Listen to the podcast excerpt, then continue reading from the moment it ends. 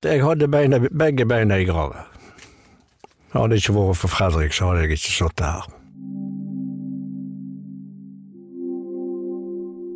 Sommeren er høgsesong for bading, båtliv og drukningsulykker. I sommer har 40 personer drukna her til lands. Hvordan er det å gå under vann og ikke klare å puste?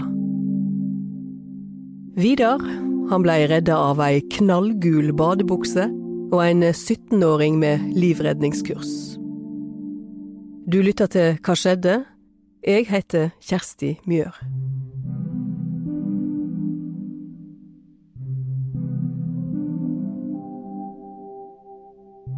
Vidar Fløysand, en junidag i fjor skulle du og stesonen din Fredrik ut og bade på Sotra. Stemmer.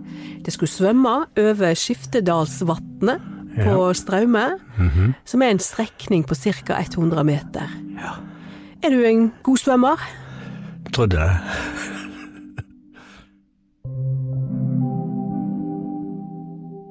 62-åringen vokste opp på Holsenøy i Nordhordland med sjø på alle kanter, og han lærte å svømme da han var seks-sju år gammel. Men eh, den sommerdagen i fjor er han nervøs før svømmeturen.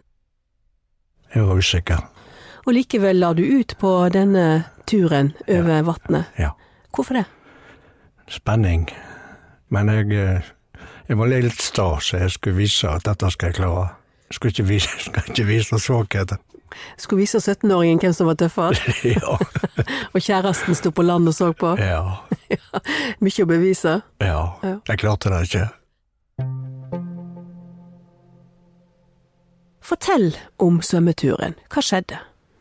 Nei, vi gikk eh, ut på en langgang, og så til endes, og så hoppet vi uti, og så begynte vi å svømme mot noen klipper som vi skulle hoppe ifra. Og når jeg hadde 10-15 meter igjen, så var jeg tom for krefter. Helt plutselig. Ja. Og hva tenkte du da? Tenkte ikke. Gikk jeg under en gang og var oppe der det svartna.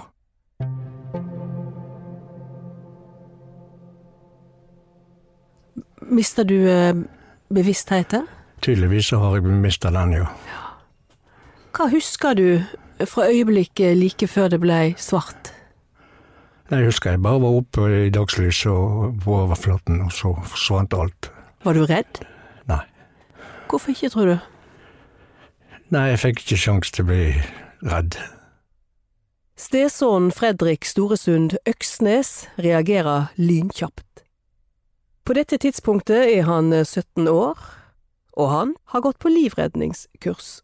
Nei, først så trodde han eh, jeg tulla, men så skjønte han alvoret, og så stupte han ned.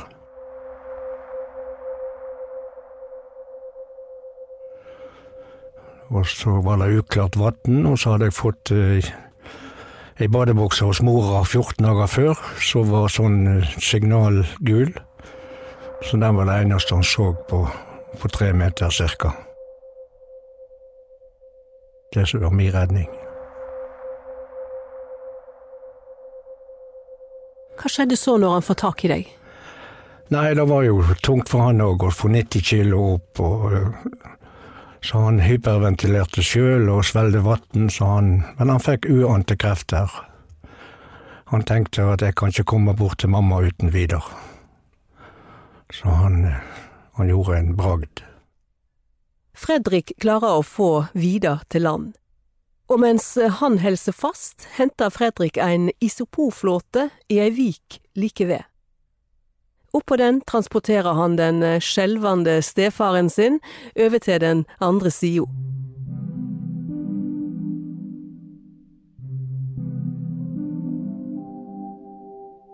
Hva gjør ei slik eh, oppleving med en? En nesten døden opplevelse. Nei, du får et helt annet syn på livet. Absolutt. På hva måte da? Nei, du Det, det Ting bare, blir bare bagateller. Jeg er evig takknemlig for det Fredrik gjorde.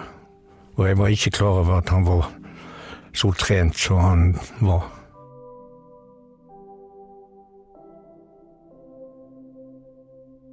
Så langt i år har 67 personer drukna. 59 av disse er menn. Hva tror du er årsaken til det? Jeg er vel litt for vågelig, kanskje. Litt for tøffe. Og det var det du trodde da du eh, la på svøm? Ja.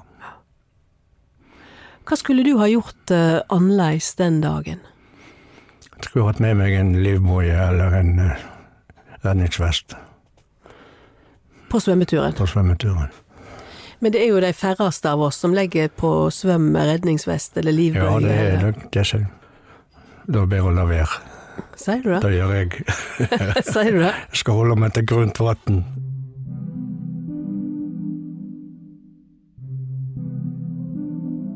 Dette skjedde den 12. juni i fjor, Ja. og siden har det vært din andre bursdag. ja. Absolutt. Den skal feires hvert år. Det var den dagen du fikk livet i gave på ny. Ja, det var ikke min tur.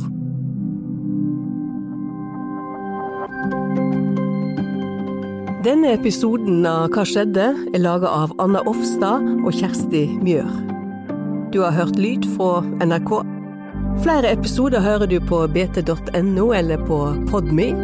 Og har du ris eller ros eller tips til oss, ta kontakt på hva skjedde? Krøllalfa bt.no.